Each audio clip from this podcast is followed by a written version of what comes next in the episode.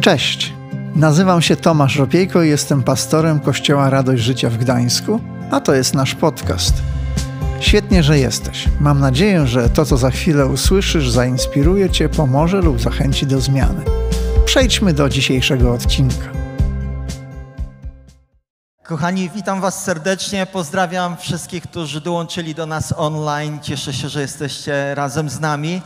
I mam nadzieję, że ten e, e, poranek, ten dzień e, będzie dla nas inspirujący. Ja bardzo, bardzo dziękuję za zaproszenie. To jest dla mnie zaszczyt i ogromna radość być tutaj. To nie wiem, czy wiecie, ale 30 lat temu, tak, mam już tyle, mam nawet więcej, to był mój pierwszy duchowy dom. Ania się do mnie uśmiecha, kiwa, potwierdza. Dziękuję. E, wasze otwarte domy, to w jaki sposób mnie przyjęliście, pomogło mi naśladować Chrystusa. Sprawiło, że e, dzisiaj jestem w miejscu, gdzie, gdzie dziękuję Bogu za całą moją przeszłość związaną z tym miejscem i z Wami. E, pamiętam, jak dla mnie były bardzo inspirujące spotkania młodzieżowe. Nie na wszystkich byłem, E, bo mieszkałem w Kościerzynie i nie zawsze mogłem być, ale pamiętam tą determinację, że potrafiłem e, pojechać na weekend do Kościerzyny, by rano w niedzielę pojawić się tutaj w kościele, a po nabożeństwie z powrotem jechać do domu, by w poniedziałek wrócić do szkoły, bo tutaj się uczyłem w technikum. I to wszystko z powodu tego, że, że dzięki Wam pokochałem Boga. Pamiętam, jak potem też wasz Kościół wspierał moją naukę w szkole biblijnej i utorował mi drogę do służby. Także bardzo dziękuję, wielkie pokłony pastorom e, za to, co dla mnie zrobiliście i ciągle robicie, za to, że zawsze okazujecie e, wsparcie. I dzisiaj Kościele e, Radości Życia, Radość Życia, muszę to powtarzać, bo jak przez przypadek powiem Kościele Port, to wybaczcie, ale pamiętam jak kiedyś mój przyjaciel, e, pastor również, e, wykładowca, e, kiedyś się pomylił i w swoim kościele powiedział, myśląc, że jest na wykładach, drodzy Państwo, drodzy Panie, drodzy Panowie, drodzy studenci, i była konsternacja. Ale chcę dzisiaj mówić o, o tym, jak odnaleźć się na skali porównań. Jak zorientować się na takiej skali porównań. Gdybyśmy skalę przyrównali do linijki, to widzimy działki, prawda? E, każda linijka ma swoją skalę, zazwyczaj w centymetrach, chyba że jesteśmy gdzieś w Anglii albo w Stanach Zjednoczonych, to, to tam są cale. I często myślimy o swoim życiu, że ono gdzieś koreluje pomiędzy jedną, jednym wychyleniem a drugim, jeżeli chodzi o porównywanie się prawda? Ja, więc jak odnaleźć się e, na skali porównań? To jest temat mojego kazania. Co Biblia mówi na ten temat? Podejrzewam, że wielu z Was teraz może myśli, a porównywanie się z innymi nie jest do końca dobre. A to działa w ten sposób, że e, ojciec na przykład mówi do swojego synka, Antek, nie porównuj się z Gosią a za tydzień, ale wiesz co, ale Sandra to ma same piątki, a ty co? I to tak trochę działa, że, że jesteśmy prowadzeni emocjonalnie od jednego miejsca do drugiego i Biblia na ten temat e, też mówi. Ale chciałbym zaryzykować dzisiaj stwierdzenie, że e, porównywanie wcale nie jest takim tematem zero-jedynkowym, czarno-białym. I zostawię Was z pewną myślą, która może zmienić naszą optykę, naszą percepcję, perspektywę tego, jak postrzegamy porównywanie. E, zacznijmy od, od tego, jak funkcjonują porównywania, porównywania w naszym codziennym życiu. Ja jestem z Gdyni, więc kibicuję Arce. Ty prawdopodobnie jesteś z Gdańska, więc kibicujesz Lechi ale jesteśmy na jednym miejscu. I widzę, że nikt we mnie kamieniami nie rzuca. Dziękuję bardzo. I wiem, że to trochę prowokacyjne, ale komu kibicujesz? Lechi czy Arce?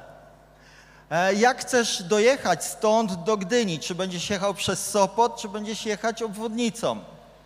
Jak dostaniesz się do Wrzeszcza? Czy będziesz jechać tramwajem, czy będziesz jechać Uberem?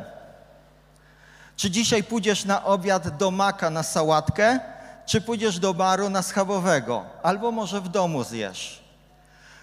E, czy w poniedziałek robiąc zakupy kupisz mleko w kartoniku, czy mleko w plastikowej butelce świeże? Zawsze porównujemy, prawda? Chcemy wybrać to, co jest najlepsze, to, co spełnia nasze oczekiwania, to, co e, powoduje, że my tego chcemy i umieszczamy dany towar, daną rzecz na jakiejś skali. Porównujemy to z czymś innym. Porównywanie jest, e, jest bardzo ważne, bo dzięki niemu dokonujemy wyborów. Kiedy robisz zakupy w internecie, to co Ciebie interesuje? Jestem fanem różnego typu gadżetów, więc czytam opisy na ten temat.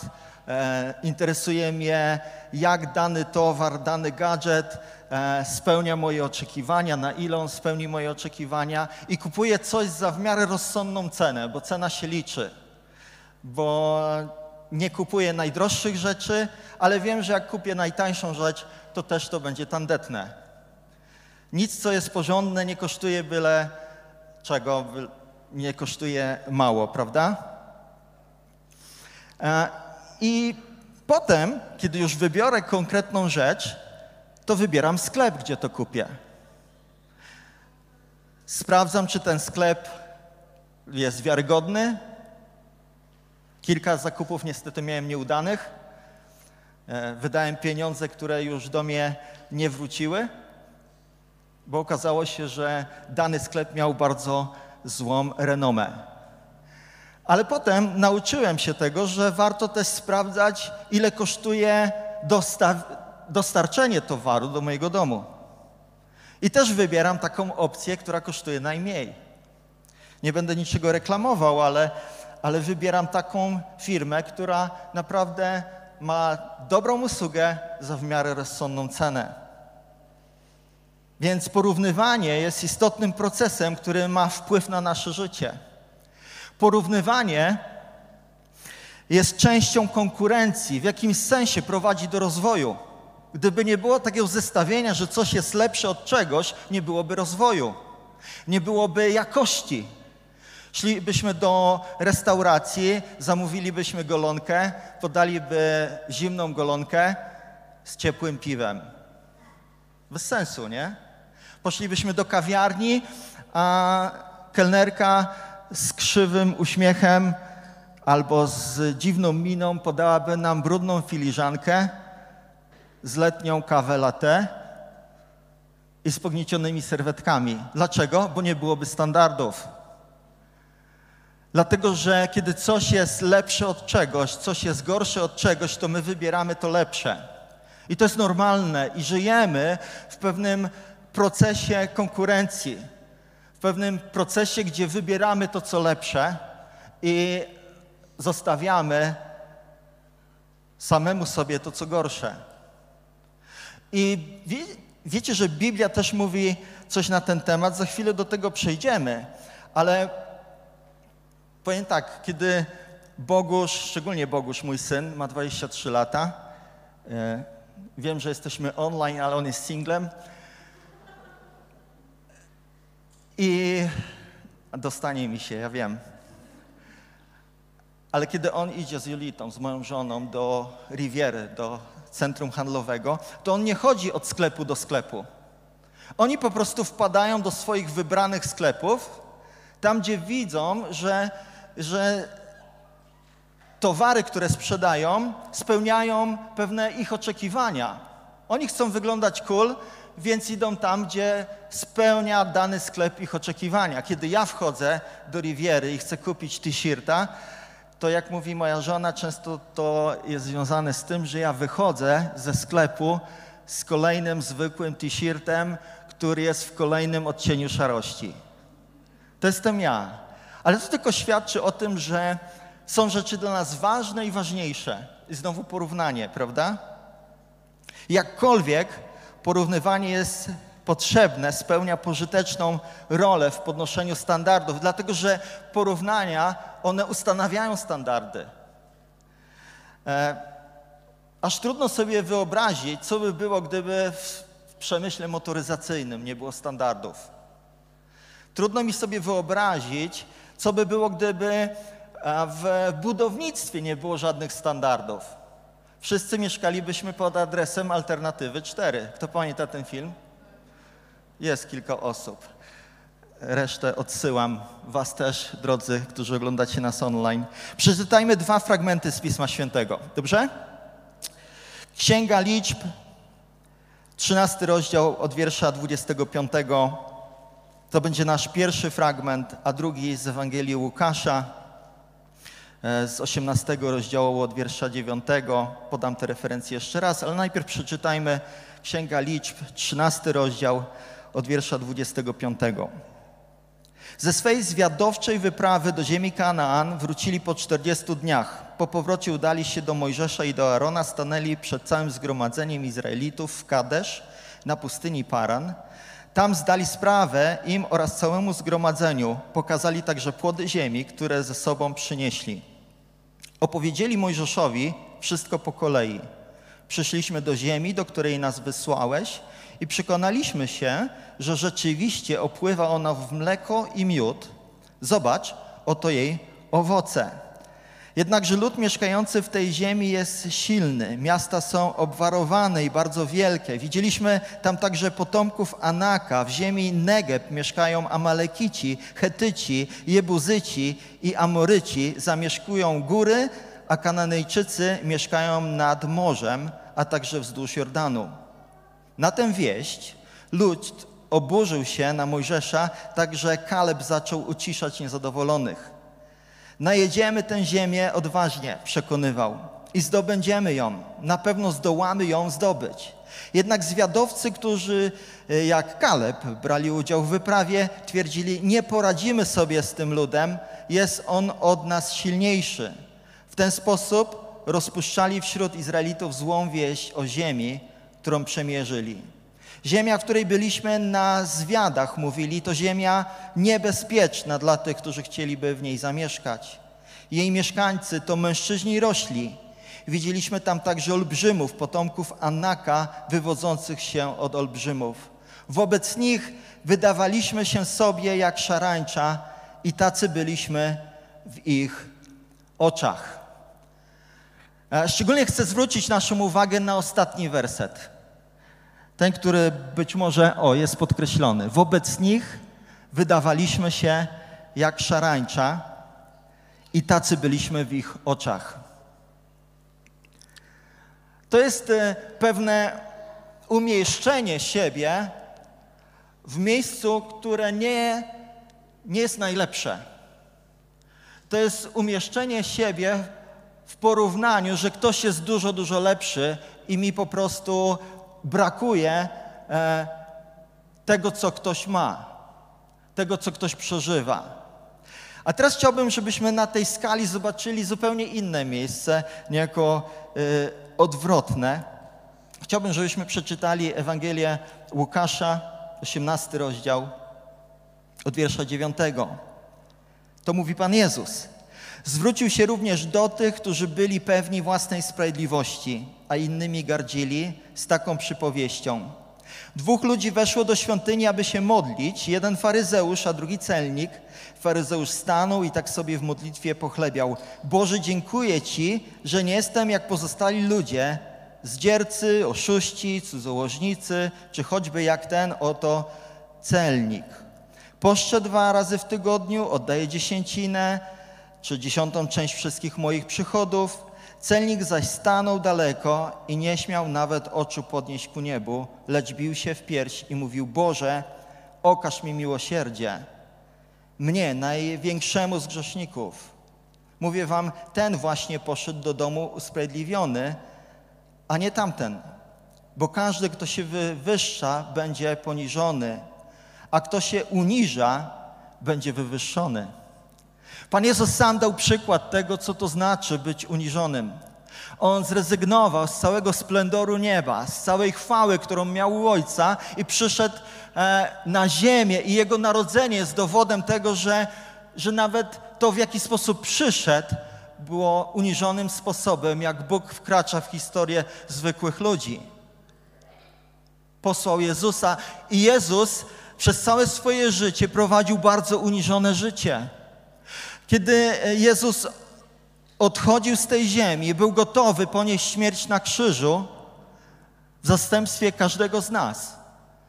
I to był jak najbardziej plan Pana Boga, ale on wymagał tego, żeby się uniżyć.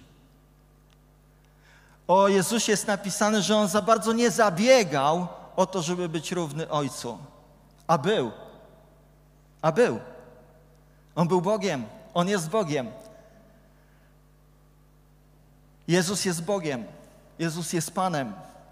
Ale kiedy przyszedł na ziemię, prowadził życie poddane pewnym ograniczeniom. On był głodny, on był spragniony, on potrzebował snu, on potrzebował tego wszystkiego, co my, i przeszedł przez wszystko, co my, jak mówili do Hebrajczyków, za wyjątkiem grzechu.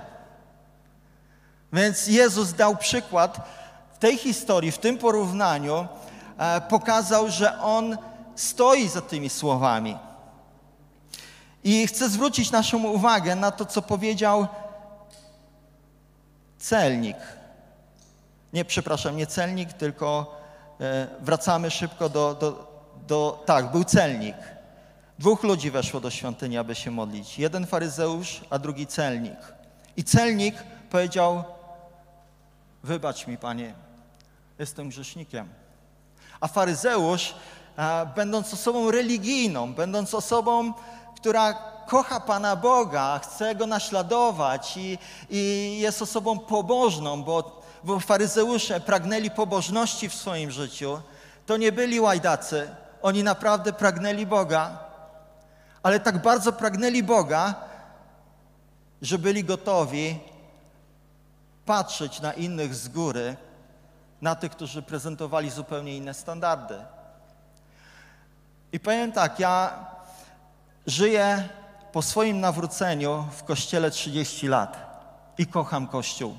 Dla mnie to jest najlepsze miejsce na ziemi, to ta lokalna wspólnota ludzi podążających za Chrystusem. Nie ma lepszego miejsca, nie odnalazłbym się w lepszym miejscu. Po prostu kocham Kościół. Ale to, co mnie skłania w tej historii, to do, do pewnej rozwagi, to to, żebym nigdy nie pomyślał, że ci, którzy jeszcze nie przyjęli zaproszenia do Kościoła, są kimś gorszym. Chcę Wam powiedzieć, że faryzeusz przez to, jak się zachował, stracił pewną szansę. Pan Jezus w innej historii opowiada o tym, że yy, nawet prostytutki wyprzedzą niektórych tak zwanych sprawiedliwych w drodze do Królestwa Bożego. Więc stawia sprawę ostro, jasno. I żadna moja religijność, moje zasługi przed Panem Bogiem nie zapewnią mi zbawienia. Każdy z nas musi uchwycić się łaski Bożej i zrozumieć to, że u Boga jedyne, co nas e, usprawiedliwia, to jest to, że Jezus Chrystus poszedł w zastępstwie za nas na krzyż. To jest coś, do czego musimy wrócić, co musimy jasno powiedzieć. Bo jest pewne niebezpieczeństwo, kiedy zadzieramy nosa i myślimy, że nasze chrześcijaństwo pozwala nam na to, żeby patrzeć na innych z góry, to, to nie jesteśmy we właściwym miejscu. A z drugiej strony, i widzę to bardzo wyraźnie, i widzę to w powszechny sposób, że mamy pewien problem, porównując się z innymi i myślimy, mi brakuje. Chciałbym być tam, gdzie on, ona, ale nie jestem w stanie. I to wprowadza nas, czy wciska nas w fotel, sprawia, że czujemy się zdołowani, czujemy się czasami e, tacy pozbawieni wartości którą Bóg chce nadać. I mamy tutaj właśnie te dwie narracje. Ta pierwsza ze Starego Testamentu pokazuje nam, co się dzieje, kiedy w strachu, pozbawieni wiary, definiujemy nasze życie, porównując się z innymi. Gdzie tracimy tożsamość, gdzie, gdzie tracimy to, tą świadomość, gdzie leży nasza siła, to wtedy tak naprawdę zaczynamy myśleć o sobie jako o przegranych. To jest taka pewna mentalność, która, która towarzyszy każdej osobie, mi, Tobie, naszym sąsiadom, naszym bliskim, kiedy zaczynamy zestawiać nasze życie z kimś, kto jest daleko dalej niż my w danej dziedzinie. I ciekawa jest konkluzja zwiadowców. Po pierwsze jest napisane, wobec nich wydawaliśmy się sobie jak szarańcza. Pojawia się ten wewnętrzny krytyk, który podpowiada nam, to są olbrzymi, a ja jestem malutki. To są niedoścignione wzorce, a jestem taki szaraczek. Po drugie, jest napisane i tacy byliśmy w ich oczach. To jest bardzo ciekawe. Przecież oni tam byli incognito. Mieli tajną misję. Byli zwiadowcami. Myślę, że oni tylko z daleka patrzyli na tych olbrzymów. Nie stanęli tak twarzą w twarz i nie mówili: Olbrzymie, powiedz, co mnie myślisz. Na pewno nie. I dlatego to jest dziwne, że nasza wyobraźnia często podpowiada nam to, czego nie ma. Kiedy zestawiamy nasze życie z innymi, porównujemy się, to myślimy, oni o nas źle myślą. Jesteśmy mniejsi niż oni. Eleonora Roosevelt, działaczka na rzecz praw człowieka, publicystka i pierwsza dama Stanów Zjednoczonych, powiedziała tak. Nie przejmowałbyś się tak bardzo tym, co inni myślą o tobie, gdybyś był świadomy tego, jak rzadko to robią. Ludzie rzadko o nas myślą. Nie wiem, czy to jest dla ciebie dobra nowina. Mam nadzieję, że nie bliscy, ale ktoś kto jest dalej, naprawdę nie ma czasu zastanawiać się, co jest w Twoim życiu i w moim. I nie musimy żyć pod dyktando czyjejś opinii. Nie musimy żyć pod pręgierzem, pod ciśnieniem tego, że musimy sprostać naszym oczekiwaniom wobec tego, kiedy patrzymy na innych ludzi. Bo Twoje i moje życie jest inne. Bóg ma indywidualny plan dla każdego z nas. I nie każe nam wszystkim chodzić w jednakowych mundurkach. I nie ma dla nas tego samego, co ma dla pana X, dla pani Y. Jak często stajemy się niewolnikami czyjejś opinii na nasz temat. Podobno, by zbalansować jedną negatywną opinię na nasz temat, potrzebujemy dziesięciu zachęt.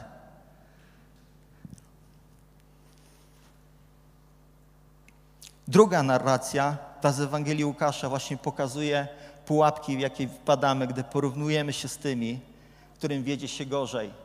I myślimy, jak to dobrze, Panie Boże, że nie mam takich problemów jak mój sąsiad.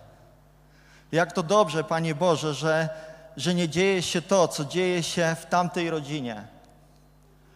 I nasze ego jest łechtane i myślimy sobie, wow, jestem w lepszym miejscu, więc mogę spojrzeć na to z góry. Nie. Bóg chce umieścić nas w równowadze. Jak mówi apostoł Paweł, e, nie myślcie o sobie zbyt wiele, ale stosownie do miary wiary, jaka jest zdeponowana w naszym życiu. To, gdzie Bóg nas umieszcza, do czego daje nam wiarę, to niech wyznacza nasze e, oczekiwania czy naszą drogę. Miałem kiedyś sen i ten sen będę pamiętał do końca życia. Byłem w zamku. Na najwyższej kondygnacji tego zamku. Pamiętam, że była noc w tym śnie. I ktoś zaczął pukać do drzwi. Tak przeraźliwie, że się w tym śnie zbudziłem. I zacząłem biec na dół, by otworzyć te drzwi. I obudziłem się kiedy ta osoba weszła do środka. Już wszystko było dla mnie jasne. Zacząłem nad tym myśleć i doświadczać tego, że uniżenie toruje ludziom drzwi do zbawienia. Twoje i moje uniżenie toruje ludziom drzwi do zbawienia.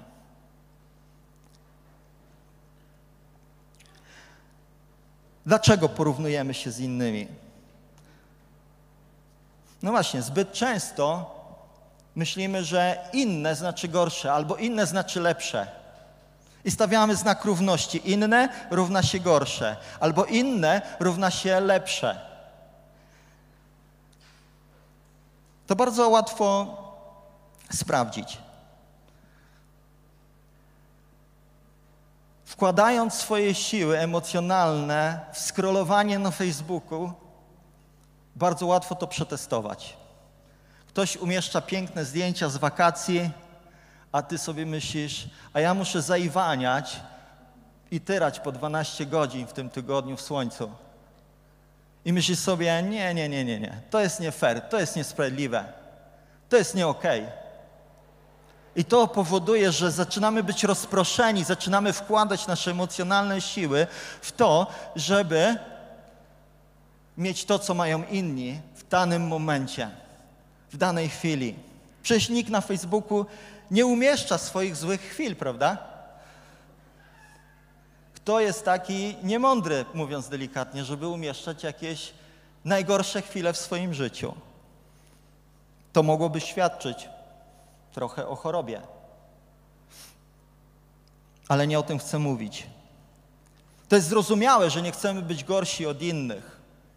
Nikt z nas nie chce być na dole drabiny, na ostatnim miejscu w skali sukcesu. Jakkolwiek by nie był on postrzegany, a najczęściej jest postrzegany tak, że, że chcemy, żeby życie przynosiło nam tylko te wzniosłe momenty, te najlepsze rzeczy, to co mają inni, co oni przeżywają i czym się chwalą. Często sukces postrzegamy jako coś, co jest jeszcze niespełnione przez nas.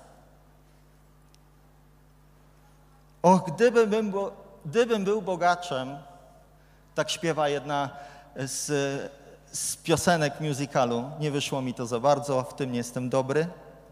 Więc nie porównuję się z grupą uwielbienia. Jesteście fenomenalni tak przy okazji. Jesteście naprawdę wyjątkowi. Albo gdybym był lepiej wykształcony, gdybym był bardziej zdolny, miałbym więcej talentów, lepszym samochodem bym jeździł, miałbym lepsze małżeństwo. Może myślisz, gdyby moje dzieci nie były takie wredne, albo gdybym jeździł e, samochodem takim, jaki ma mój sąsiad. I stawiamy się wtedy w takim miejscu rozproszenia, zamiast cieszyć się tym, co mamy, zamiast cieszyć się naprawdę tym, co, co Bóg nam daje. Jak sobie z tym poradzić? Myślę, że powiem coś bardzo ważnego. Jeżeli macie telefony, wyjmijcie i zapiszcie to sobie, bo to jest bardzo istotna myśl. Nie bierzesz udziału w jednej konkurencji. To, do czego się zestawiasz, to nie jest cała prawda o Twoim życiu. To może być jedno z pól, to może być jedna z domen, które chcesz, żeby były w lepszym miejscu w Twoim życiu, ale to nie jest wszystko, co, czym jest życie. Co z tego, że, jestem lepszy, że, jest, że ktoś jest lepszym pracownikiem od ciebie, kiedy nie ma tak wyjątkowych dzieciaków w swoim domu, szczęśliwej rodziny.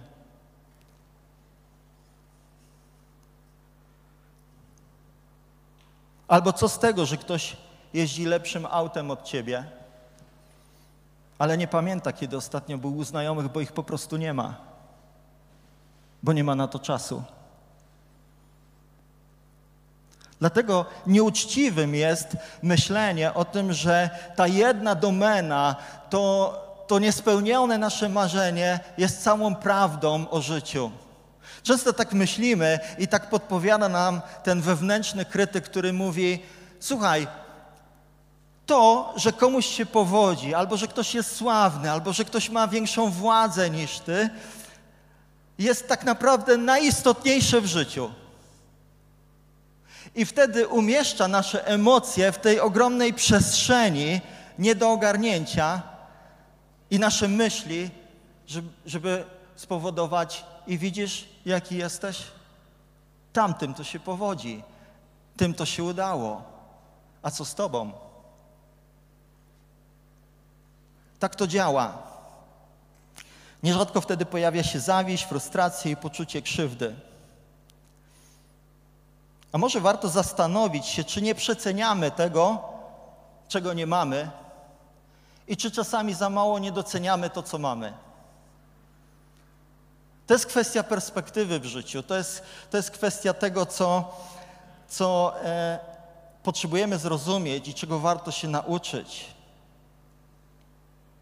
Niestety, często w jakimś życiowym punkcie, w jakim tkwimy, w wyniku porównań następuje to wewnętrzne niezadowolenie. Ono jest ok, o ile powoduje w nas takie, taką motywację do zmian, motywację do tego, żeby iść dalej.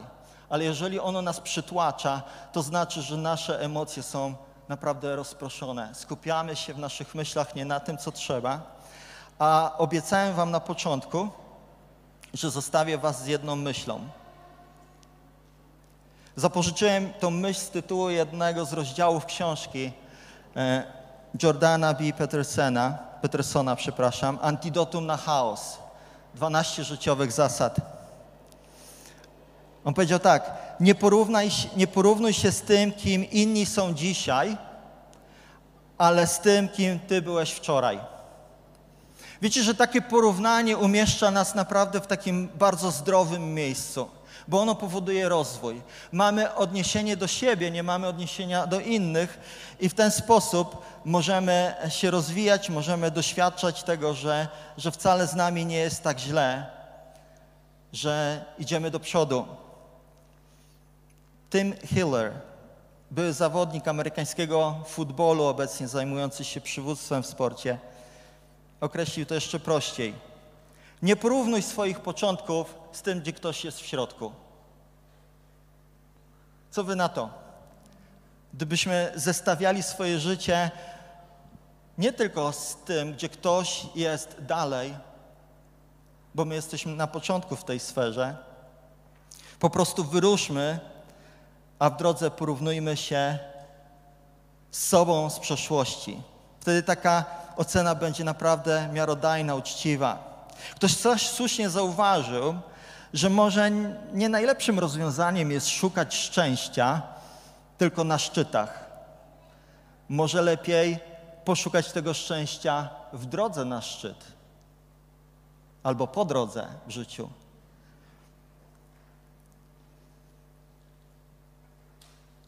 Jeden z wiodących kościołów ma taki slogan. Oni mówią tak: Mamy swoje cele, ale nie będziemy, nie będziemy pogardzać drogą. Mamy swoje cele, ale nie będziemy pogardzać drogą. Coś w tym jest. Kiedy myślę o mojej najbliższej wyprawie rowerowej z, z Wrocławia przez Szczecin do Gdyni, to ja nie skupiam się tylko na tym znaku Gdynia. Nie skupiam się na mecie. To nie miałoby sensu. Mnie fascynują każde wieczory z chłopakami, kiedy będziemy rozpalać ognisko, kiedy będziemy mieli jakieś śmieszne historie, kiedy będziemy ze sobą rozmawiać, kiedy na drodze pojawią się wyzwania, kiedy na drodze pojawią się górki i trzeba będzie mocno pedałować. Mnie, mnie fascynuje to, co się będzie działo po drodze, bo to jest treścią tego, co się nazywa przygoda, to jest treścią tego, co się nazywa życie. Tak więc porównywanie się może być dobre, rozwijające i motywujące, o ile porównujemy się ze sobą, a nie z innymi. Proszę zapamiętajmy to. Fanny Fleck, pisarka amerykańska, napisała tak: Bycie osobą odnoszącą sukcesy niekoniecznie jest definiowane przez to, co osiągnąłeś, ale przez to, co przezwyciężyłeś. wyzwania, które przynosi życie, mogą być czymś, co kiedy je przezwyciężamy, co powoduje, że możemy o sobie powiedzieć, jesteśmy wygrani. Moje zestawienie się z kimś, kto jest daleko dalej i nie jestem w stanie mu dorównać. Mam takiego sąsiada. Przejechał kilka tygodni temu 600 kilometrów w 42 godziny. Ale on powiedział, wiesz co, są jeszcze większe kozaki. Potrafię jechać tam, gdzie jest źródełko Wisły i przyjechać tutaj nad Bałtyk, gdzie Wisła wpływa do morza, to jest 1200 kilometrów i potrafią to zrobić w 72 godziny. A ja się go pytam, to jak to jest możliwe? On mówi, wiesz co, pytałem takiego kozaka i powiedział, pytałem go, jak spałeś? On mówi, dobrze, ale krótko, dwa razy po 7 minut. Jak mogę zestawić swoje życie, kiedy jestem amatorem, z kimś takim? To byłby absurd. Narażam się na śmieszność. Narażam się na, na to, że, że wywiera to we mnie presję. Ale spokojnie. Nie mogę porównywać swoich początków z tym, gdzie ktoś jest w środku. Amen? Wstańcie proszę.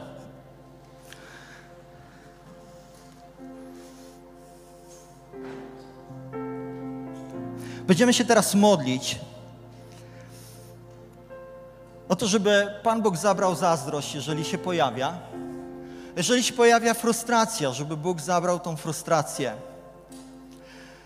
I będziemy prosić Boga o pomoc, żeby pomógł nam spojrzeć na nasze życie jako na przestrzeń, gdzie jest wiele konkurencji i że nie musimy konkurować ze wszystkimi dookoła, bo Bóg dał nam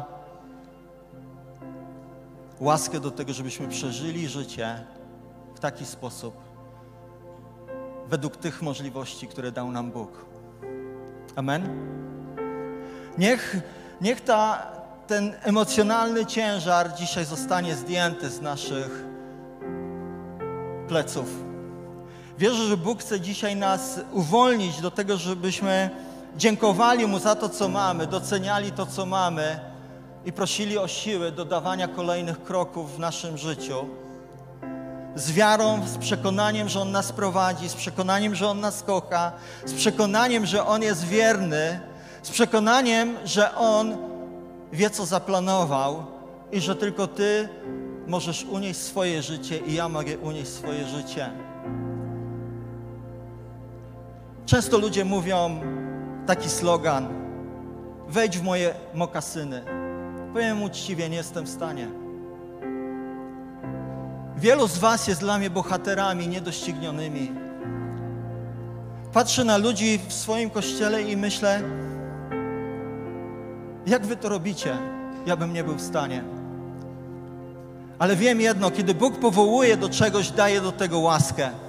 Kiedy Bóg powołuje Ciebie do jakiegoś zadania, da Ci do tego łaskę, wyposaży Ciebie w siły, wyposaży Ciebie w zdolności, już to zrobił, ale da Ci mądrość, jak z nich korzystać.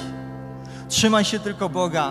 Niech On definiuje nasze życie, niech On roztacza przed nami swoje plany. Nie to, co zobaczymy gdzieś u innych i będziemy w taki sposób złodziejski próbowali to im ukrać i sprowadzić do swojego życia. To tak nie działa. Bóg Cię kocha takim, jakim jesteś i przez to, że Cię kocha takim, jakim jesteś, nie pozwala Ci zostać w tym miejscu, w jakim jesteś. To jest cała prawda na nasz temat. Ja dzisiaj chcę się modlić o Ciebie, o siebie, o nas do Pana Boga. Przyłączmy się do tej modlitwy. Panie, dziękuję Ci za to, że Ty nas umieściłeś e, na tej planecie, do tego, żebyśmy wykonali Twój plan, indywidualny plan, żebyśmy e, wypełnili powołanie i przeznaczenie, jakie wmontowałeś e, do każdego z nas, Panie. Chcemy to rozpoznawać, nie chcemy żyć e, w, w powołaniu kogoś innego. My mamy swoje indywidualne. Panie, chcemy odrzucić e, wszelką kwestię porównań się z innymi, które nas nie motywują, które nam zagradzają tak naprawdę drogę do takiego entuzjastycznego parcia do przodu. Panie, ja modlę się o to, żebyś dał nam dzisiaj łaskę i siły do przeżycia naszego życia w taki sposób, abyśmy tym, co robimy, żebyśmy chwalili Ciebie, żebyśmy mieli wpływ na to, gdzie mamy wpływ, a porzucili te wszelkie pragnienia wpływania na to, co nie jest nam dane. Panie, dzisiaj zdajemy sobie sprawę też z limitów, z pewnych ograniczeń, które mamy. I nie będziemy tego ani umniejszać, ani przeceniać, ale po prostu chcemy Ci powiedzieć, że naszą drogą, naszym pragnieniem jest korzystanie z Twojej łaski. Ty jesteś naszą pomocą, Ty jesteś naszą siłą. I chcemy powiedzieć tak, jak powiedział Kaleb: zdobędziemy. Zdobędziemy. I nic nas nie rozproszy. Chcemy powiedzieć tak, jak Jezus. Panie, nie będziemy się wynosić ponad to, kim naprawdę jesteśmy. Chcemy chodzić w uniżeniu, bo wierzymy, że uniżenie przynosi rozwiązanie dla wielu ludzi, którzy stają razem z nami. Panie, ja dzisiaj modlę się o członków tego kościoła, wszystkich, którzy nas też oglądacie online. Modlę się o siebie i modlę się o jedno, żebyśmy mogli przejść przez życie, wiedząc, że uniżenie jest sposobem na to, jak otwierać drogę ludziom do nieba. Może dzisiaj jesteś też w takim miejscu, może ktoś tu na sali, może ktoś oglądający nas online i potrzebujesz wejść do miejsca, gdzie będziesz miał przekonanie, że Twoje grzechy są Ci przebaczone. Potrzebujesz mieć pewność, że cała przeszłość została za Tobą i że możesz rozpocząć nowe życie. Chcę Ci powiedzieć, Jezus Chrystus jest tego gwarancją. Jezus Chrystus umarł na krzyżu za Twoje i moje grzechy. On spowodował to, że, że dzisiaj możemy mieć taką śmiałość i taką wolność do tego, żeby żyć z Nim w osobistej relacji. I On do tej osobistej relacji Ciebie i mnie zaprasza. To, czego oczekuję, to to, żebyś powiedział tak. Żebyś przyjął Go do swojego serca, przyjął Go do swojego życia. Ustanowił Go Panem, ustanowił Go osobistym Zbawicielem. Kimś, kto jest od tej pory kapitanem Twojego życia. I chcę się teraz o to modlić. Jeżeli Ty masz takie pragnienie, jeżeli mówię do tych z nas, którzy są z nami online, ale też tutaj na miejscu. Jeżeli jesteś w takim miejscu, że potrzebujesz Chrystusa poznać osobiście, przyjąć Go do swojego życia, chcę się z Tobą modlić, chcę się z Wami modlić. Panie Jezu, dziękuję Ci za to, że Ty przebaczasz każdy grzech. Panie Jezu, dziękuję Ci za to, że umarłeś na krzyżu po to, żebym ja miał dzisiaj wolność, żebym mógł zostawić całą przeszłość, żebym mógł przyjąć dar zbawienia, żebym mógł przyjąć dar przebaczenia, żebym mógł żyć nowym życiem. Panie, chcę zostawić to, co mi nie wychodziło, to, czym nie trafiałem, to, co, w czym dawałem tak naprawdę kolokwialnie obok. I chcę być w miejscu, mieć pewność, że od tej pory moje życie jest połączone z Tobą, a Ty jesteś moim Panem, moim Zbawicielem. I oddaję Ci moje życie i wyznaję, że wierzę w Ciebie, wierzę w to, że Twoja śmierć na krzyżu jest wystarczająca do tego, abym mógł dzisiaj nazywać się Twoim dzieckiem, Ojcze. Panie, chcę od tej pory prosić Ciebie w tym momencie, ale od tej pory chcę żyć z Tobą, a prosić Ciebie, przebacz mi. Przebacz mi i odnów moje życie. Dziękuję Ci, Panie. Jeżeli ktoś z nas tutaj na tym miejscu modlił się właśnie w taki sposób albo podobny, może swoimi słowami, mam do Ciebie prośbę. Podnieś rękę i daj mi sygnał, bo chcę się potem z Tobą modlić, chcę Ci powiedzieć, jak było ze mną, co teraz dalej się wydarzy, jak mogę rozwijać tą więź z Panem Bogiem. Jeżeli ktoś z nas jest tutaj na tym miejscu, to zrób taki prosty gest. Ja później będę tam stał, będę się modlił. Ja poczekam chwilę. Dziękuję. Dziękuję. Bardzo dziękuję. Kochani, niech Bóg Was błogosławi. Odczuwam Bożą obecność tutaj na tym miejscu. Nie chcę tego zakłócać, ale jak dobrze jest być w obecności Pana Boga, jak dobrze jest być na tym miejscu, jak dobrze jest być z Panem Bogiem, jak dobrze jest żyć, wiedząc, że jesteśmy kochani. To jest tak niesamowite. Uwielbijmy Boga. Po prostu. Amen. Dzięki, że zostałeś z nami do końca. Pamiętaj, że odcinki pojawiają się w każdy poniedziałek o 18. Jeśli chcesz dowiedzieć się o nas więcej, to wejdź na stronę kazetgdańsk.org. Do usłyszenia.